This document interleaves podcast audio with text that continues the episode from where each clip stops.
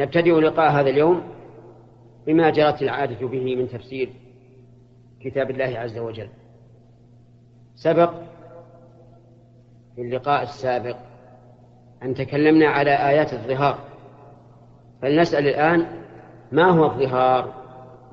نعم أن يشبه الرجل زوجته بمن تحرم عليه تحريما مؤبدا مثل أن يقول أنت علي كظهر أمي أو كظهر أختي أو كظهر عمتي أو خالتي.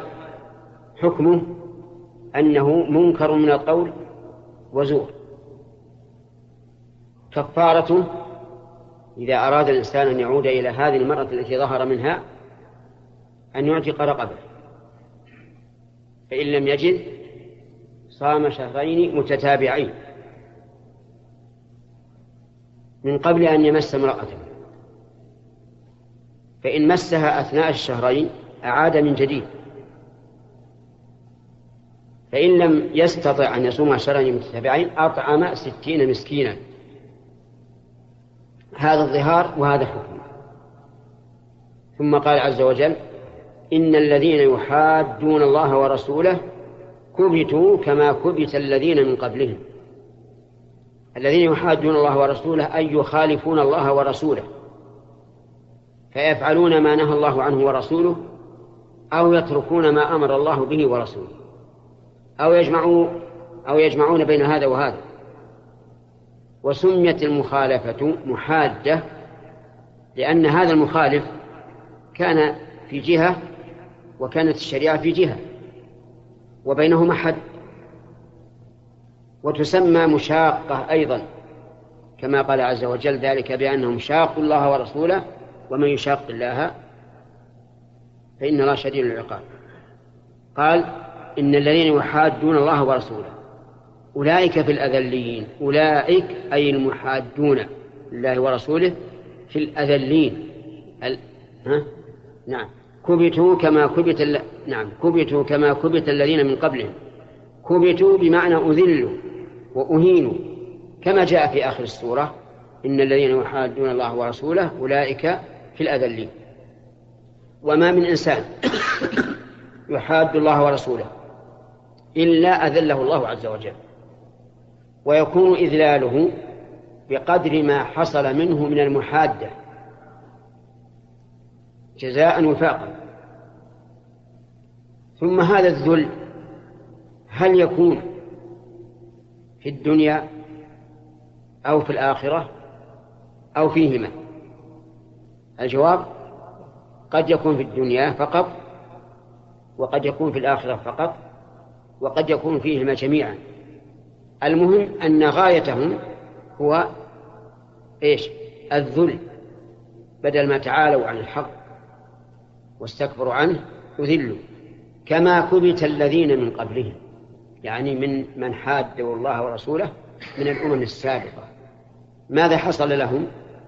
حصل لهم الإهانة والخزي والعياذ بالله وصارت أخبارهم تقرأ في كتاب الله عز وجل يتقرب المسلمون إلى الله تعالى بقراءة أخبارهم ويقرؤونها في صلاتهم. نعم وقد أنزلنا آيات بينات يعني أن هؤلاء الذين يحادون الله ورسوله قد حادوا الله ورسوله عن علم لأن الله أنزل آيات بينات أي علامات على صدق الرسل وصحة رسالتهم بينات ظاهرات. لا تخفى على أحد. ومع ذلك يحادون الله ورسوله. وللكافرين عذاب مهين. للكافرين عذاب مهين أي لكل كافر. وهنا قد يقول قائل لماذا لم يكن سياق الآية ولهم عذاب مهين؟ لأنه قال كبتوا كما كبت الذين من قبلهم وقد أنزلنا آيات بينات وللكافرين.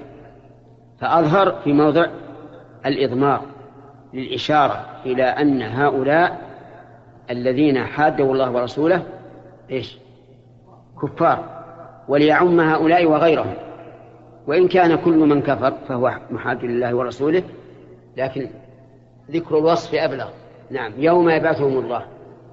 يوم متعلقة بما سبق.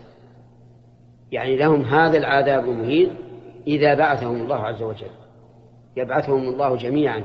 لا يترك منهم نفسا واحدة. كل الخلق يبعثون. فينبئهم أي الأخ.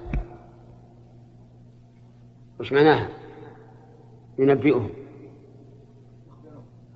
يخبرهم بما عملوا. وهذا الإنباء من أجل أن يعرفوا أنهم هم الذين ظلموا أنفسهم. قال الله عز وجل وكل إنسان ألزمناه طائره في عنقه. ونخرج له يوم القيامة كتابا يلقاه منشورا اقرأ كتابك كفى بنفسك اليوم عليك حسيبا. يا إخواني الذي يعطيك الدفتر من التجار ويقول انظر حسابك. هل يكون أنصفك أو جار عليك؟ أنصفك. إنسان يقول خذ الدفتر أنت الآن مقيد أو مقيد عليك بحضرتك. انظر الدفتر. هذا غاية الإنصاف. ولهذا قال بعض السلف لقد أنصفك من جعلك حسيبا على نفسك. فإذا قرأ الكتاب وجد أنه لا يغادر صغيرة ولا كبيرة إلا أحصاها. أؤمن بهذه الحقيقة وأعلم أن ذلك سيكون لك. كل إنسان ألزمناه طائره في عنقه كل إنسان مؤمن ولا كافر؟ ونخرج له يوم القيامة كتابا يلقاه مشهورا اقرأ كتابك. كفى بنفسك اليوم عليك حسيبا. قال الله عز وجل أحصاه الله ونسوه. أحصاه بمعنى ضبطه مأخوذ من الحصى لأن العرب في الجاهلية لا يقرؤون ولا يكتبون فيضبطون الأشياء بالحصى يعدها بالحصى. وعلى هذا جاء قول الشاعر ولست بالأكثر منهم حصى وإنما العزة للكافر. يعني أن أنهم في الجاهلية إذا أرادوا أن يعدوا قومهم عدوهم بالحصى. فيأخذ حصى بعدد القوم ثم يضعه في كيس أو إناء حتى إذا شاء أن يستعيد العدد وإذا هو كمل وإذا هو موجود. الحصى موجود. فأصل أحصاه الله يعني ضبطه. وهو مأخوذ منين؟ من الحصى لأن الناس في الجاهلية إنما يحصون الأعداد بالحصى. أحصاه الله ونسوه. بماذا أحصاه؟ أحصاه عز وجل بعلمه وأحصاه بواسطة كتبه آه، رسله الذين يكتبون. كما قال عز وجل أم يحسبون أنا لا نسمع سرهم ونجواهم؟ بلى ورسلنا لديهم يكتبون. يعني نسمع السر والنجوى والرسل حاضر يكتبون. أحصاه الله ونسوه والله بكل شيء عليم. ها؟ والله على كل شيء شهيد. آه هذه الجملة تأكيد لما سبق من حيث المعنى يعني أن الله شهيد على كل شيء. سواء فعل أو قول أو إضمار في القلب كل ذلك فالله شهيد عليه. والمقصود من هذا بيان إحاطة علم الله عز وجل علم الله عز وجل. ثم التحذير يا جماعة التحذير من المخالفة. لأن الإنسان إذا علم بأن الله بكل على كل شيء شهيد ماذا يصنع؟ يحذر ويكف عن المعاصي ويقوم بالواجبات. اقرأوا القرآن وأنتم تعرفون معناه. ليس المراد مجرد الإخبار بأن الله شهيد على كل شيء. هذا هذا مراد لا شك لكن ليس هو المراد فقط. المراد أن تحذر من أن يشهد الله عليك بشيء لا يرضاه عز وجل. انتبه لهذه النقطة. فأكثر الناس يقرؤون ولا يفهمون. لا بد أن نفهم. والله بما تعملون بصير. والله على كل شيء شهيد. والله بكل شيء عليم. وما أشبه ذلك. المقصود منها يعني أن نعرف هذه الصفة لله عز وجل فقط أو أن نتعبد لله بمقتضاها. الجواب الثاني مع الأول. يا أخي إذا عرفت أن الله بكل شيء عليم هل تخالف الله؟ لا تخالف لا في السر ولا في العلانية. إذا علمت أنه على كل شيء شهيد وأنه سينبئك بما عملت ستخشى والله تخشى. لأنك سوف تلاقي ربك عن قريب. يا أيها الإنسان إنك كادح إلى ربك كدحا. إيش؟ فملاقيه ألف تدل على قرب الشيء الترتيب والتعقيب. فملاقيه عن قرب وما أقرب الآخر من الدنيا. أحصي ما خلفت وراءك من الزمن. كأنه كأنه لحظة. المستقبل كذلك سيمر بك كأنه لحظة. وإذا بك على الباب. قد لاقيت ربك. احذر يا أخي. لا تغرنك الدنيا ولا يغرنك بالله الغرور. الدنيا زائلة. كم من إنسان قطف شبابه وهو في غاية ما يكون من الفرح والمرح وفارق الدنيا. وكم من كهل قد استوى على على على الدنيا وحاز من الأموال والجاه والشرف ما لم يحوز غيره وإذا هو يدس في في التراب. أليس هذا هو الحقيقة؟ ثم ما وراء ذلك؟ وراء ذلك اليوم الموعود الشاهد والمشهود الأهوال والأفزاع. يوم يجعل الولدان شيبا السماء منفطر به كان وعده مفعولا. اللهم أحي قلوبنا بموعظتك يا رب العالمين. إخواني الدنيا ليست دار قرار. خذ هذا مسجل. ما هو ما هي دار القرار؟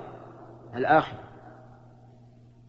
ولهذا قال مؤمن آل فرعون يا قوم إنما هذه الحياة الدنيا متاع وإن الآخرة هي دار القرار.